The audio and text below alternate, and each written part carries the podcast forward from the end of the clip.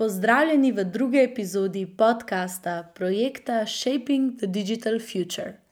Če smo se v prvi epizodi dotaknili kibernetske ranljivosti države in javne infrastrukture, pa se v tej epizodi poglobimo v kibernetsko varnost vseh nas, posameznikov. In kako se tudi mi sami lahko najbolje zavarujemo. Z nami je gospod Milan Gabor, etični hacker in ustanovitelj podjetja Viris. Pa prisluhnimo. Tako, nočem začeti z eno suhoparno definicijo. Tako da, recimo, a nam lahko poveste, kako bi svoj opis, uh, svoj poklic, no, um, opisali enemu desetletniku? Desetletniku. Ali pa eni stari gospe. Ja, več načinov je, kako bi lahko tole opisali, ampak nekako najlažje se etični rekel, poklic etičnega hekerja opiše s tem, da dela, delaš zakonite stvari, na nezakonit način pa še plačajo te. Ne, to sem jaz nekako, tole je najkrajše tisto, kar je možno, ne, kar lahko opišemo. Zdaj, če čisto razložim. Uh, ne, pa sem Veste, zdaj tokrat sem ga ponovil, da sem ga pa zdaj že res malo. Dejansko no, delamo nezakonite stvari. Ne, etični hekeri delamo nezakonite stvari, na zakonit način pa še plačajo nas. Tako bi bilo pravo, tisto pravi način uh, razložiti nekomu, kar lahko delamo. Um, dejansko, zakaj, no, če smo zdaj malo resni, ne, postanemo. Um, dejansko uporabljamo torej, etični hekeri čist iste metode, čist iste načine, čist iste urodja, ne na zadnje. Ne. Uh, kot pravi hekeri napadamo pač sisteme z eno razliko, um, ker to delamo na zakonit način, torej imamo dovoljenje. No, in na koncu koncev, seveda, uh, rekel, tudi plačajo nas za ta, za ta del. No, tako da tule, če nekako strnemo, um, bi bilo najhitreje, oziroma tudi najlažje nekako tole razložiti. No, in vi ste tudi ustanovitelj in pa lastnik podjetja Viris, tako je? Ne? Tako. Se ja, pravzaprav prav s tem. Um, s tem servisom ukvarja v Sloveniji? Ja, dejansko te storitve z tega področja pač mi ponujamo. Ne. Sicer v mojem prejšnjem življenju sem jaz bil. Rekel, razvijalec, ne, torej sem bil na drugi strani, kot sem zdaj, pa ne zakona, da ne bo pomote, ne, ampak um, dejansko sem gradil, torej razvijal, programiral aplikacije, sisteme, ki nekateri še tečejo danes, po 20 letih. Uh, pa pa sem šel na svojo pot podjetništva, ustanovil podjetje, ki se sprva ni sicer rekel, čist uh, samo securityjem ukvarjajo, to je z varnostjo, ampak smo tudi vem, inštalirali, konfigurirali in ostale stvari, in pa smo se nekako videli, da ta cyber security je bolj zanimiv. Uh, Deli in smo pač šli v preverjanje. Tako da jaz več pravim, da to, kar sem prestopil, stran pravim, da zdaj razbijam, prej sem razbijal. Ne, zakaj? Ker je razbijati dosti lepše kot razvijati. Oziroma, graditi. Ne. Lažje je razbiti avto, kot ga pa sestaviti na koncu koncev. Mm -hmm. um, tako da, ja, zdaj zadnjih 18 plus let pa vodim. Pač podjetje, ne.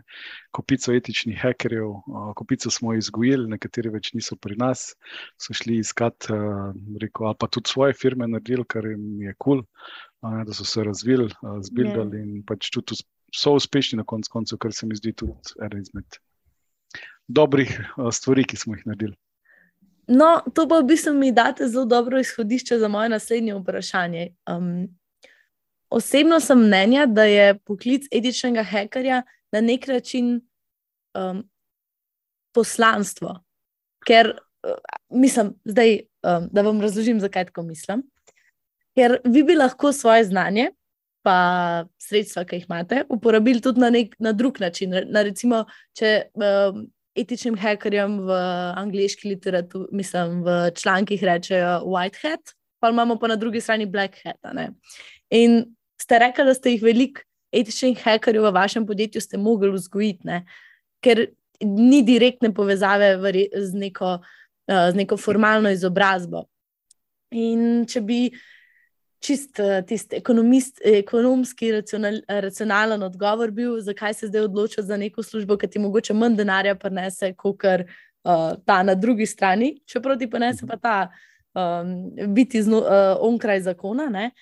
Ampak vseeno je težko najti profil človeka, si predstavljam, in pa pravo motivacijo v, te, v tej osebi. Ne? In me zanima, kako, kako najdete te ljudi, ali bolj pogosto oni najdejo vas? Mm, ja, pa če gremo čisto po vrsti. Ne, prvo dejstvo je definitivno to, da črni trg plača več. Ne, torej, s tem znanjem, ki ga pač trenutno uporabljamo na tej tako imenovani beli strani, torej etični strani, uh, bi lahko uh, na črnem trgu ali pa na strani kriminala zaslužili bistveno več denarja, če zdaj se pogovarjamo samo o materialnih sredstvih. Uh mhm. -huh. Ampak, seveda, pač tudi ta, rekel, druga stran prenese druga tveganja. Ne, ne, Mi se kot etični hekeri ne rabimo ozirati, kdo teče za nami, ne, nas preganja, tako kot um, kaj že v enem filmu DiCaprio. Yeah. Ja. Catch me if you can. Ne, ta del druži, drugi, druga stvar je definitivno, da lažje spimo. Torej, pač se ne rabi sekirati, ne, da te bo res nekdo preganjal, ali pa ne na zadnje, tudi pač v kriminalnem svetu velja, lahko te tudi pač opraviš delo, pa namesto da te plačajo, te pač plačajo svincem, da te hm. pospravijo, pa kaj podobnega. Ne. Tako da tu definitivno so.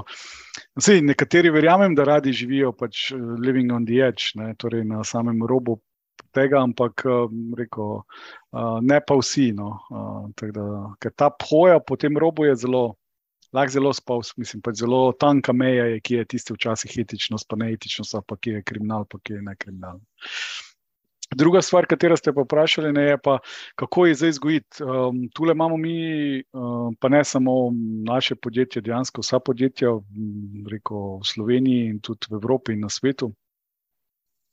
Problem, ker formalne, reko, formalne oblike izobraževanja ne zgradijo takšen kader, ki bi ga pač mi potrebovali, oziroma ki bi ga lahko takoj uporabili. Tako da tu smo nekako obrali um, eno srednjo pot, torej pomeni, da sodelujemo z faksom, s fakulteto, predvsem tule fakulteto v Mariboru, uh, s katero pač smo tudi vem, ustanovili Hack Club, uh, študente navdušili uh, za tekmovanja, jim pač pomagamo, kako začeti sploh tem, prirejamo kakšne, rekel, Christmas challenge ali pa Cyber Night, recimo, katerega tudi organiziramo. In pa pač to skozi to, recimo, jih tudi spravljamo na to bolj etično, oziroma ne, da nimajo časa premišljati, da bi šli na ono, temno stran, pač iskati uh, te izzive, ker jih lahko tudi uh, ta bela stran uh, te izzivov ponudi dovolj, ali pa celo več. Ne. Jaz lahko rečem, evo, da mi smo prejšnji mesec jih organizirali za uh, tekmovanje, tako imenovano Capture the Flag, katerem smo gostili najboljše ekipe na svetu, na največjem sejmu v Dubaju. Za, uh, rekel, Digitalno ministrstvo od uh, Abu Dhabija. In so um, rekel, bil full experience in full tudi rekel, užitek sodelovati in pripravljati. Načinov je več. Ne? Um, nimamo pa nikogar, to je doskrat tudi vprašanje, ne, nismo pa nikogar vzeli z te druge strani. Uh mhm. -huh.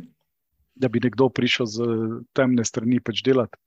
Um, sicer smo imeli neke ponudbe, ampak je pa vedno tule riziko, ne plus uh, zahteve naših strank, vse večina naših strank je, da so naši ljudje nekaznovani.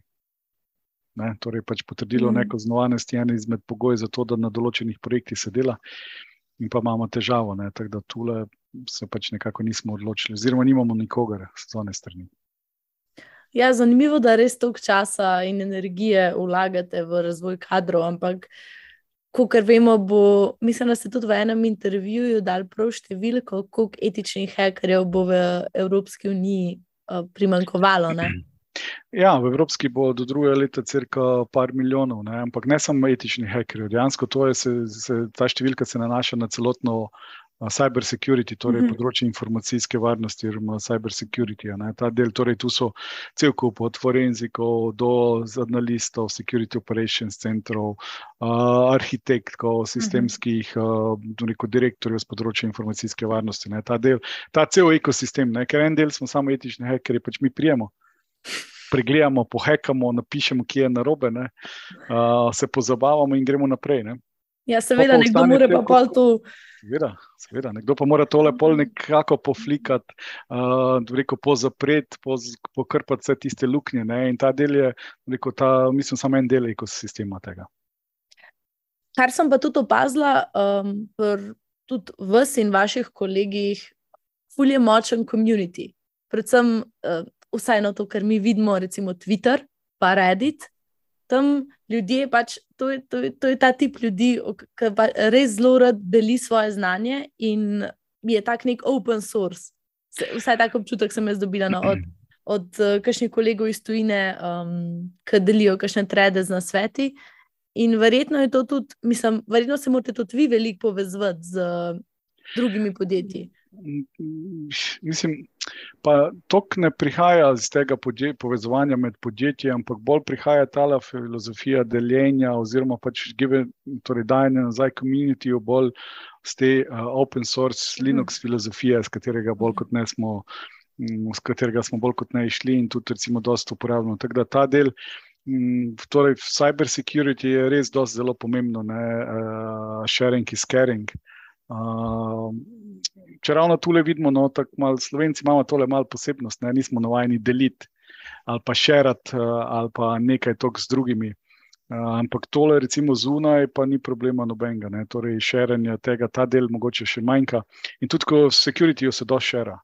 Tako da jaz vem, da tudi enkrat za en problem, ko smo reševali, smo zbudili vem, kolege od, od Daljnega vzhoda do Južne Amerike in so pač vsak je pripomagal, kar je lahko s tistim pač svojim znanjem. Ne. Noben ne bo rekel ne, ne niso tok. Ne. Tako da je pa res, da mogoče tole malo specifika tega uh, security področja. Pa mogoče še ena stvar, kar bi se prej, kar ste rekli, um, ne, sa, etični hacking ni sam pač delo. Ne? Jaz bi rekel, da bolj se ne vem, kako ste pojmovali, ampak jaz bi bolj rekel, da je to uh, way of life. Torej, ja, poslanstvo, ampak način življenja. Ne? Uh, pač, ker ne moreš biti ne vem, 8 ur etični heker, pa pa zapreš računalnik, pa si neetični. Uh, ta del. Ne? In nekako. Mm, še drugo prekletstvo tega pač poklica je pa, da smo usvojeni na non-stop pač izobraževanje. Ne? Prihajajo nove tehnologije, se selijo v oblak, se selijo nazaj iz ja. oblaka, uh, nove programski jeziki, vem, nove paradigme. Tako da tule je mogoče tudi en del za vse tiste, ki hočejo ostati mentalno uh, dovolj aktivni, ne? nikoli ni ne? tega, tako kot je pri. Kaj pa vem, pri zdravnikih, ne? človek ima toliko, toliko kosti, zadnjih tisoč let, pa še naslednjih tisoč let jih bo isto imel. Tule pri, nas, tule pri nas pa je vedno kaj novega. Ne? Ta teden je to, čez dve leti je nekaj drugega ne? in se pač stvari vrtijo. No, ravno to sem uh, tudi eno izmed um, pomislekov, ki sem dobila med uh, pripravo na ta pogovor. Vi ste bili programer nekaj let nazaj. No? In verjetno se je nekaj vse v programiranju in kodiranju so neki principi, ki ostanejo, ne? ampak stvari so se, se spremenjajo v enem letu. Ta, zdaj smo čista nek cloud, software ima skozi neke nove update, skozi prihajajo neki novi, um, nove, novi produkti, novi programi. Sicer je res, da to je. To vse jaz gledam iz vidika končnega uporabnika, ne? so tehnologije, ki so že prej dlje časa prisotne, ampak za vas je pa to res konstantno novi izzivi. In uh, moram, verjamem, da je to zelo dinamičen poklic. Si pa ne predstavljam, kako v bistvu izgleda izobraževanje. A so to kakšne konference, ki so um, organizirane strani kakšne krovne organizacije, pa se potem m, pač člani podjetij prijavljajo, pa izobražujejo. Ali kako pač, ki najdete, um, kako izgleda to iz vaše izobraževanje, ker res ne smeš zaspati. Ma, mislim, take krovne organizacije nekako ni, mislim, nimamo. Definitivno, recimo, ne vem, hacking ali tole, recimo, imamo neke top dve, tri konference na svetovni ravni. Ena je definitivno DEFCON, ne, torej Vegasu, kamor se vsako poletje avgusta zgrinjajo množice, ne reko, believerjev, ne, ne vem, na zadnje 10-20 tisoč ljudi tam, udeležencev. Uh, ali pa še neke druge, recimo Black Hat, ko imajo bolj komercialne ali pa neke stvari. Ne? In pa je celo kupica takih lokalnih stvari. Da, čez nekaj časa se pač, ko si v tem komunitiju, nekako veš, kaj je dobro, kje so dobri predavatelji, kaj se splača iti, ne? kaj je. Ne? In, so pa tudi eni rekel, zelo dobri treningi, torej na katere pač, gre, mislim, pač greš. Ne? Sicer niso poceni, to treba pač omeniti. Mm. Recimo, tisti dobri treningi stanejo tam ranga od 3 do 7 tisoč evrov za teren dni. Ne. Ampak pol veš, kaj dobiš. Ne. In tam je res top špica. Teh, ampak je tudi vedno tako. Če pa nisi pripravljen tole nadgrajevati, pa rast, ne, pač pol tisti teden ni. Če pa je tisto pol um, Reko, peleš naprej, pa razvija stvari, pa, pa, se, reko, pa, pa se da mrskaj, uh, mhm. mrskaj narediti. Uh, drugo je pa, da moraš biti vedno radoveden, pa pač se igrati z določenimi stvarmi. To je pač ena v tem področju, ena izmed takih zakonitosti. Tako da jaz se vsake tok časa igram, evo tudi danes me čaka glih dol na stopnišče en paket novih igračk, ne, kot pravijo moji sodelavci, s katerimi se jaz poigram. Uh, pa pol vidim, kad, kaj bi jih lahko uporabili, pa jih pol razdelim, pa se pa moji sodelavci igrajo in pa. Um, In pa tudi um, raziščejo, ali pa najdemo kakšno pomanjkljivost, ali pa jih uporabimo na kakšnem projektu. Tako da ta del je um, raziskovanje oziroma igranje pač zelo pomemben. Sveda pa tudi tako izobraževanje, ne? pa dosti komunity. No? Um, recimo, tukaj okrog nas imamo vem, na Hrvaškem, Budimpešti, v Novem Sadu, na Dunaju, imamo cel kup uh, zanimivih, ne toliko znanih konferenc, na katere pa pridejo lahko tudi zelo znani, zanimivi ljudje. Ne? In pa mhm. tole, ta network, ko ga zgradiš, ne, ti dosti pomaga potem. Uh, mogoče mičken neumno vprašanje, ali pa se nisem jaz dovolj pogledala. Sam me zanima, če vaš certifikat za etičnega hekerja, ali je treba to obnavljati? Uh, ga je potrebno obnavljati. Mislim, jaz vem, da mojega etičnega hekerja sem šel prvič sem ga naredil, pa pol je potekel, ne, čez nekaj časa, mislim, da tri leta, koliko je veljal, pa sem šel še enkrat delati. Uh, zdaj so ga pa tudi tako spremenili, da pač, vem, z udeležbanjem konferenci, z aktivnim predavanjem, z organizacijo konferenci in ostalega, nekako dobivaš, tako rekoč, zbiraš točke, s katerimi moraš seveda dokazovati. Ne, in pa ti skozi, ne vem, tri, tri leta ali štiri leta, se ne vem, zdaj točno, mislim, da je tri leta. Moraš zbrati dovolj točk za to, da ti ga obnovijo. Da, ta del je, torej, moraš kot pri vseh, recimo tudi revizorjih ali pa ostalih certifikatih, yeah. Ja. moraš dokazovati aktivno udeležbo na tem področju. Um, ta del se mi zdi. Je pa res, da je pa zdaj tudi kupica certifikatov, ki jih.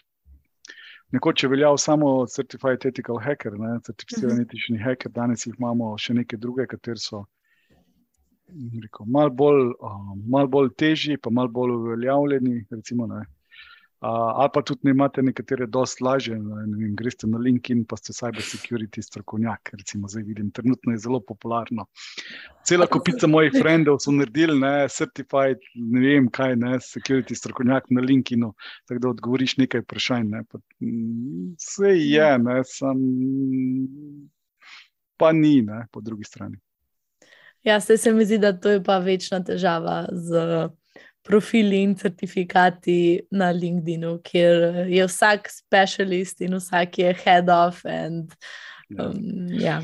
Ja, vse zato pa recimo tudi mi, uh, jaz, jaz lahko rečem, da imel sem na razgovor ljudi z Certified Ethical Hacker, pa še nekaj, še en certifikat je imel, kjer je nam bi, krito rečeno, takrat rekel, koristila ne, podjetju, pa pač pripravljene razpise, ampak pa smo videli, da ta človek nikoli teh certifikatov ni v življenju naredil, ker smo ga testirali ne, in ni videl osnov in pač smo se mu zahvalili. Uh, tako da tudi to pa je druga skrajnost. Koliko časa pa traja, da um, recimo en, en hiring proces uh, za etičnega hekerja, ker verjetno je to kar neki nalog, pa neki testov, ki jih morajo narediti. Ja, mi ga nekako smo, rekel, dva, rekel, dva sta ključna, oziroma dva nekako koraka. Torej, prvo, first interview, uh, pa pol je še, rekel, eden bolj praktični, ker mu dejansko damo uh, stvari za preveriti. Ne, torej, pač postavimo okolje, mora spisati, tist, dejansko mora narediti tisto, kar se od njega pričakuje. No, In to zdaj govorimo o takih, ki že imajo izkušnje. Drugače pa yeah. Ja. mi ponovadi izbiramo tale način, da mm, študente tam pri višjih letnikih ali pa tik pred diplomo, recimo, vzamemo pa jih pol nekaj, kako leto obildamo, ne, ali pa damo na test, pa vidimo, ali pa na kako šolo. To je tudi se v zadnjem času zelo dobro izkazalo. Kakšno poletno šolo, ker se izkaže, koliko so ljudje sposobni, ne, in pa se s tistimi najboljšimi pač mhm. pogovarjamo naprej. Ali pa pridejo na prakso, recimo, kar smo tudi uh, imeli, pa pol, uh, pol ostanejo. Ne, ta del je tudi. Ker pa se tu se dejansko tudi vidi, ne, koliko je kdo pripravljen, koliko ima um, rekel, hekerskega spirita, koliko se je pripravljen učiti, koliko je pripravljen vložiti. Uh, tako da ta način je še najboljši. Okay. Najlepša hvala za, za odgovor. Zdaj pa mogoče bi se mal bolj na neke aktualne stvari lahko um, obrnila. Jaz sem jih prejšnji teden um, prebrala članek na RTV-ju o tem leheku v avstralsko zavarovalnico Medibank mhm. in se mi je porodil. Torej, oni so napadli so organizacijo. Ne? In tukaj pri kibernetski varnosti je vedno tako tehtanje med tem, kje gre za varnost organizacije, pa varnost posameznika. Ker napadajo, hacker napade organizacijo, trpijo pa na koncu posamezniki in njihovi podatki so um, pač predstavljeni v svetu in uh, jih postavijo v neprijeten položaj. In zdaj, kako vidite vlogo v, v, v tem, no, uh, kje je meja med tem, kaj mora poskrbeti organizacija in pa kaj lahko vsak posameznik naredi uh, za svojo kibernetsko varnost. Ker je res, da organizacijo sestavljajo posamezniki in tudi posameznik bo recimo kliknil na napačen link v mailu, ne? takrat, ko ne bi smel, ali pa vstavil USB v računalnik, ko ne bi smel. Um, na koncu je pa pač problem to posameznika in malo vaš pogled zanima. Ja, jaz bi rekel tule, da treba ločiti pač, rekel, dva tipa organizacij. Ne. Ena, ki so regulirane, torej strani zakonodaje, ne, ki morajo določenim rekel, kriterijem ali pa določenim zakonodaji slediti. Ne. Torej so vem, banke, določeni primeri zavarovalnice, zdravstvene ustanove. Nekaj, kar se šteje, recimo, tudi pri nas za kritično infrastrukturo, in pol pač ostale, ki so prepuščene lastni inicijativi, kako bojo v informacijsko varnost vložili. Tako da tule, ko mi gledamo, je, da tisti, ki so regulirani, torej tisti, od katerih nekaj država zahteva, ne, da določene varnostne mehanizme imajo, tista njihova rekel, varnost je bistveno, bistveno boljša kot onih, ki delajo bolj kot ne po navdihu. Ali pa jaz rečem, ne, bolj, ne, ne po navdihu, ampak bolj po uh, incidentih. Ne, torej, več incidentov je, bolj več vlagajo, ne, oni prosti streljci, ki pač nimajo neke zakonske regulative, medtem ko drugi pa pač morajo to pa to. Zdaj, seveda je pa tudi stvar ta, da mm, mi moramo določene podatke tem institucijam dati. Ne, pač mhm. tule nimamo kaj, ne, ko prijete zdravniku, pač morate dati izvide. Ne, ne morete reči, da sem jih ne dam, pa zdaj pa vi meni diagnozo postavite. Se pa seveda pa postavlja ne, vprašanje, oziroma pač, ne, kako pa res ti varno, oziroma na kakšen način delajo ti z našimi podatki. Ne. Tu pa je pa stvar, ki sploh z občutljivimi osebnimi podatki, če bomo tako rekli. Uh -huh. Zdaj, ja, Milan Gabar, če ima nekdo shranjeno, s njim težav. Ne. Če pa moj izvid ima nekje shranjen, pa nekje leži, tam sprintan v eni ambulanti ali pa na disku. Ker ga lahko vsak dostopa, pa je malo večji problem. Ne. Tako da tu je dosta odvisno od branže, od tega, koliko so regulirani, in pravim, najbolj regulirani tisti, res več poskrbijo. Zakaj? Ker vejo, da so lahko tudi kazni bistveno, bistveno večje. Ne. Se pa treba zavedati, gledajte, da nekega tudi varnega, ultra, stoprocentnega nekega sistema, ker ste rekli, ne, zdaj, da, da se ga ne da odreti od, ali pa z njega odtujiti podatkov, mm, ga pa ni. Ne. Razen če je odklopljen sistem, ampak pa vam nič ne koristi. Ne, ja. Teda, jaz lahko rečem tudi ne vem, danes smo jih testirali eno, rekel, za eno stranko ne, in ne vem, roko pol ure. So začeli podatki padati ven iz tiste spletne aplikacije. In ta spletna aplikacija živi, po mojem, že vse nekaj let tam gor, ne, in nišče je še do zdaj ni pohekal. Sveda to z dovoljenjem zdaj govorim. Ja, ja, ja. da ne bo pomote, ne. imamo dovoljenje za to, da smo to delali. Tako da lahko se zgodi, mislim, tudi najboljšim, ne, pač, ne vem, kaj povem, administrator ima slab dan ali pa klikne na kaj napačnega, ali pa splet okoliščin včasih pripelje do tega, da pač podatki prijajo nekje ven. Ne. Um, je pa res, da v zadnjem času pa smo pač posledica še vedno.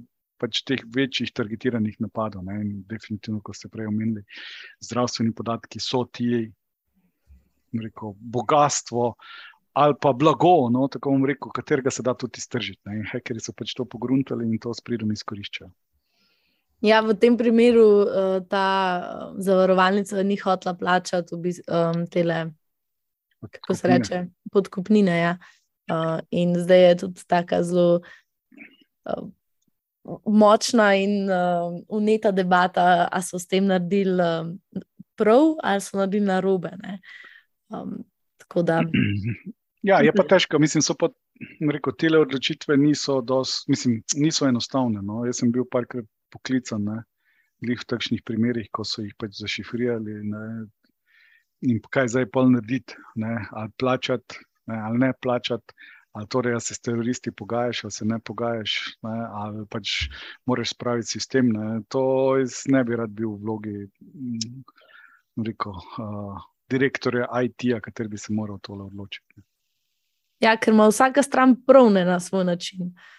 Um, mm, dobro, če ravno tukaj še vedno govorimo o kriminalnih dejanjih. Ne? Torej, če nekdo prije vaš sistem, pa v tuji, tole, da ne bo pomote, še vedno kriminalno dejanje. Ne? Ja, seveda, ampak to ali plačaš uh, varščino uh, ali ne. Ja. Ja, odvisno, ker, ker tudi argument je bil, da, da pač je IT oddelek, um, jaz pač ocenil, da tudi če bi oni plačali to, po vsej verjetnosti bi bili podatki še vseeno razkriti in so se pa tako odločili.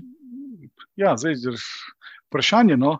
Mislim, treba vedeti, da tudi kriminalci so dobri biznismeni. Ja. Uh, in ja, res, mislim, mogoče smešno, ampak ja, oni, ne, oni, recimo, ne, tudi za tele dešifriranje, pa tele, ker dosta strank me vprašali, ja, če bom plačali, bomo res dobili storitev. Ja, boste dobili storitev, zakaj? Uh, ker če oni plačajo, ne, pa ne očifrirajo, recimo, podatkov ali pa jih pač ne, vem, ne dajo nazaj, pa karkoli, na njihov biznis model se podre torej pade jim, zakaj, ker naslednji bojo povedali, da oni so plačali, pa niso dobili, ne? torej tudi oni ne bojo plačali. Ne, tako da tale, mislim, res dober mislim, model ne, v teh letih so full dodelali. Ne, ta njihov kriminalni model, na kak način točno vejo. Že, zanimivo je pri tem, da nekoč so na ključno zbirali te ljudi, ne, oziroma na ključno zbirali firme. Dan danes zbirajo firme tiste, ki so dobro stoječe, ker vejo, da bojo lahko plačali, ker vejo, da imajo dovolj denarja. Tako da ni tam, ta, ta mm. kriminalni biznis je zelo dobro organiziran in zelo dobro hierarhijo imajo ne, in točno vejo, kaj kdo. Mislim, ta del imajo res pošlihta. No. To je prava, rekel, zelo dobro naoljena organizacija. Jaz se jih, kar mislim, če vi dobro poslujete, se bo to razvedel, pri njih je pa v bistvu enako, samo da v kontrasmerne. Točno to, točno to. Točno to. Ne, in mi pade, ne, pač oni tudi želijo, da jim biznis model laufa čim dlje, zakaj da čim dlje zaslužijo. Ne. Če ravno po drugi strani, ne, pa smo imeli hekerske skupine, neki, ki so zaslužile dovolj, ne, so rekli, gledajte, dovolj imamo in so pol relisnili ključe za odklepanje in vsi, ki so imeli pač zašifrirane diske, pa jih recimo niso zbrisali ali so jih posranili nekje, so lahko to vsebino dešifrirali, ker so pač prišli do tega, kar je redko, ne, mislim, ampak se je našlo, ne. Res, gledajte, dovolj imamo, ne, tisti 100 milijonov, ker smo pokradli, pff, bomo lahko živeli do konca življenja. Ne, in, ja. Tako da tudi take imamo. Ne. Ja, zanimiv je tudi ta, um, ta temna stran uh, tega poklica, ampak uh, se ne bi več preveč spuščala. Ja, ja, um, mogoče ne, še vsem, pa kon, ne, je, gre le za neko varnost posameznika. In ena stvar, ki mi je bila tudi všeč, pa jo velikokrat slišimo. Se pravi, če na internetu, v aplikaciji ne plačaš nekega subskripšna, um, pač plačuješ s svojimi podatki. To je kar splošno znano. Um, in zdaj temu rečemo na nek način digitalni izpust svoj, ki ga tudi pustimo z nekim srčanjem, um, s tem, kje pustimo, vem, kaj klikamo, kje je sprejemamo. Imate kakšen, tako, kakšna bi bila recimo dobra praksa, pred, kar se tiče tega digitalnega izpusta za enega poprečnega posameznika? Je to redno čiščenje um, piškotkov, ali je to uporaba kakšnega drugega iskalnika?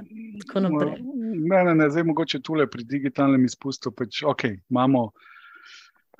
Um, Digitalni izpust ni tistega, kar nam. Digitalni izpust so vaše slike, ne, ki jo trenutno gledamo, objavljene na LinkedIn in Instagramu in vsem ostalim. Uh, to je tisti digitalni izpust, ki ga ponovadi spuščamo kar sami, ne, torej naše objave, uh, komentarji, mnenja. To je digitalni izpust. Ne. Pa pa imamo tako imenovane te metapodatke ali pa te podatke, ki pač nastajajo cel čas pri šifriranju, mislim pač pri surfanju, pa uporabi interneta, ne, s katerimi pač nas ne vem, na podlagi tega mogoče tudi malo bolj targetirajo ali pa pač naš behavior ugotavljajo. Ne? Teda tule bi jaz mogoče ta dva uh, pojma ločil. Ne. Zdaj, pri digitalnem izpustu je naša prostovoljna, ali pa kako bi rekel, ja, prostovoljna, uh, samostojna odločitev, da nekaj pustite. Ko ste vi objavili sliko, ne, nekje ste se pač ne, te pravila igre sprejeli in ste jo objavili, in je pač zdaj tam bo vedno ostala, tudi če jo zbrišete nekje. Ne. Yeah. Ja. To je ta digitalni izpust, na katerega pa lahko. In tega je problem, da se ljudje ne zavedajo, kaj lahko nekdo ali pa če te podatke, ki smo jih pustili nekje, kakšne mm, stvari lahko nekdo um, ali o nas izve, ali jih izkoristi, ali pa je na koncu mogoče celo proda nekomu drugemu. Ne, ta del. Um, ker večinoma tile, ne vem, Google, pa vsi tile živijo od dejansko naših podatkov, ampak ne toliko teh, kot smo gor, ampak od našega, mislim, pač našega behaviorja, zato da lahko, recimo, ne vem, marketingerji bolj targetirajo in lažje prodajajo, pač, oziroma pač po svojih kanalih te stvari. Ne. Ja, se to je pa, tisto, kar lahko vsak zase pogleda. Ne, na, uh, ja, tisto je, ampak to so samo podatki, ki so shranjeni v njihovih bazah. Torej, ti tekoči podatki, ne, kaj ste crfali, kdaj ste crfali, a, kateri podatki, katerim brskalnikom tega pa ne boste našli. Mislim, uh mhm. -huh. ne boste našli pač gor. A, in jaz pravim, da pač tudi, če že nam oni dajo vem, 20 giga prostega prostora, ne bojo ga dali for free. There is no such free, such thing as a free lunch. Mm. In bojo pač to s temi podatki plačujemo. Ne. Pri drugih, seveda, teh, kar pa so izpustili, mislim, pač izpustili, pa kar je gor, ne pa imate še vseeno možnost. Ampak problem v tem je, da se ljudje ne zavedajo. Evo konkreten primer. Grejo na dopust, ne, objavijo gor, dva tedna nas ni. Ne. To je za njih čist normalno. Ne. In prej po možnosti še poslikajo celotno stanovanje, kako lepo so ga pospravili. Ne, hekeri na drugi strani tole razumejo, da je ono stanovanje bo prazno, ne, torej kliče, kar pridete. Uh, sploh, če oni, ne vem, ta nadebudni uporabnik poslika vse, torej vejo, kakšna televizija je, imajo kamere not, ne, kje je okno, kot, z katerega bojo plezli ne, in take stvari, pač odvisno, z katerega percepcije pač gledamo. Um, tako da mogoče tu le en takšen konkreten nasvet, kaj lahko. Ne. Naredimo pri tem, da če že kako post mislite, da je na internet in da bo tam, da je prebrati njegovo vsebino, ali pa pogledajte še enkrat fotko, ali ste res pripričani, da hočete to objaviti. Jaz sem tudi doskrat. Kakšen pol že imel napisan, ne, ali na Twitterju, ali pa ne, na Facebooku, pa sem ga še enkrat prebral, pa sem ga zbrisal. Da, to je en izmed takšnih najhitrejših testov, če res hočete.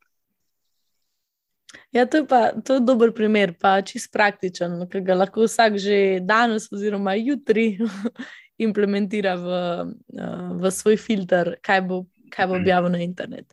Ja, ker tole, pa... ker tole je res primer. Mislim, še en lepši primer je bil, ker je imel, se ne vem, imel mobitel ali imel, ne, ne objavi, ker te lahko gnjavi. Ne. Uh, pred nekaj leti so bil ta primer, ne, ko nekdo pač ima CV na eni strani, pa na drugi strani njegov Facebook profil slike.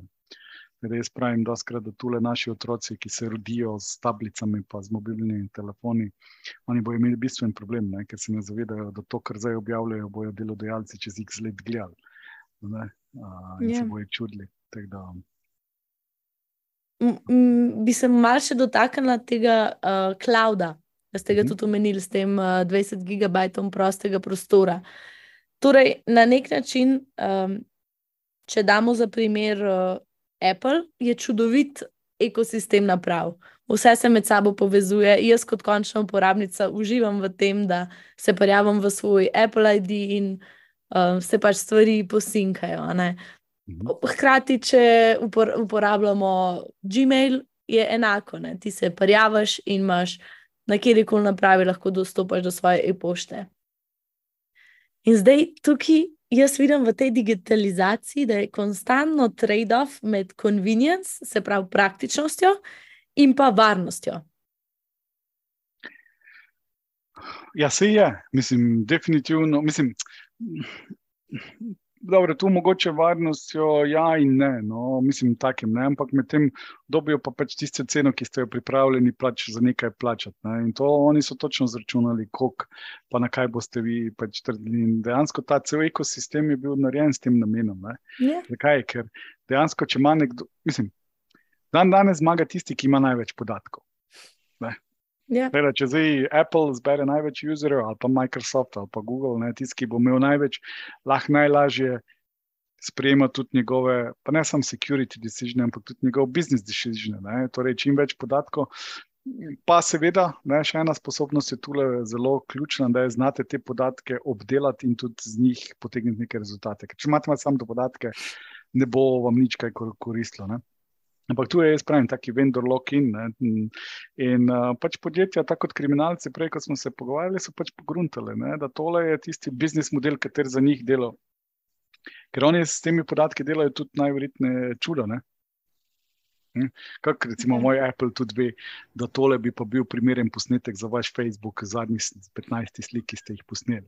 Ne, da tole bi bil full story, lep ne, nekje, ne, te stvari. In po drugi strani, ne, pa mi pa s temi podatki ali pa z navadami, ne, ali pa ne vem, tudi s prometom, ali pa s tem pač plačujemo, ne, poleg svega tistega dela, mm, ta, njihov, ta njihov servis. Ne. In tole so zelo dobro naštudirali uh, in dejansko izpopolnili njihov biznis model, kako dobiti podatke. Ne. Pa tudi, kje je tista cena, koliko so še uporabniki pripravljeni plačati za to, da hranimo velike količine podatkov tam gor. Uh, po drugi strani pa res, security je vedno trade-off, tudi med tem. Ne. Zdaj, seveda je pa odvisno, kako. Če pa security stran pogledamo, kako do teh podatkov dostopate, če imate samo uporabniško ime in geslo, ne, dan danes, ne, ni dovolj. Ne, zato imamo še nekaj zraven, ker yeah. Ja. drugač, ne, če objane, ne vem, da je vašemu psu ime FIFI, pa še 2022 doda zraven, ne, pa prije do vašega gesla, ne, pa imamo bistven problem. A, ker v tem cloudu, ne, oziroma v tem ekosistemu, znajo biti zanimivi podatki, pa ne samo o tem, kdo, kaj ste surfali, ampak še marsikaj drugega. Ja, ta, mislim, da ti uh, password uh, protection je.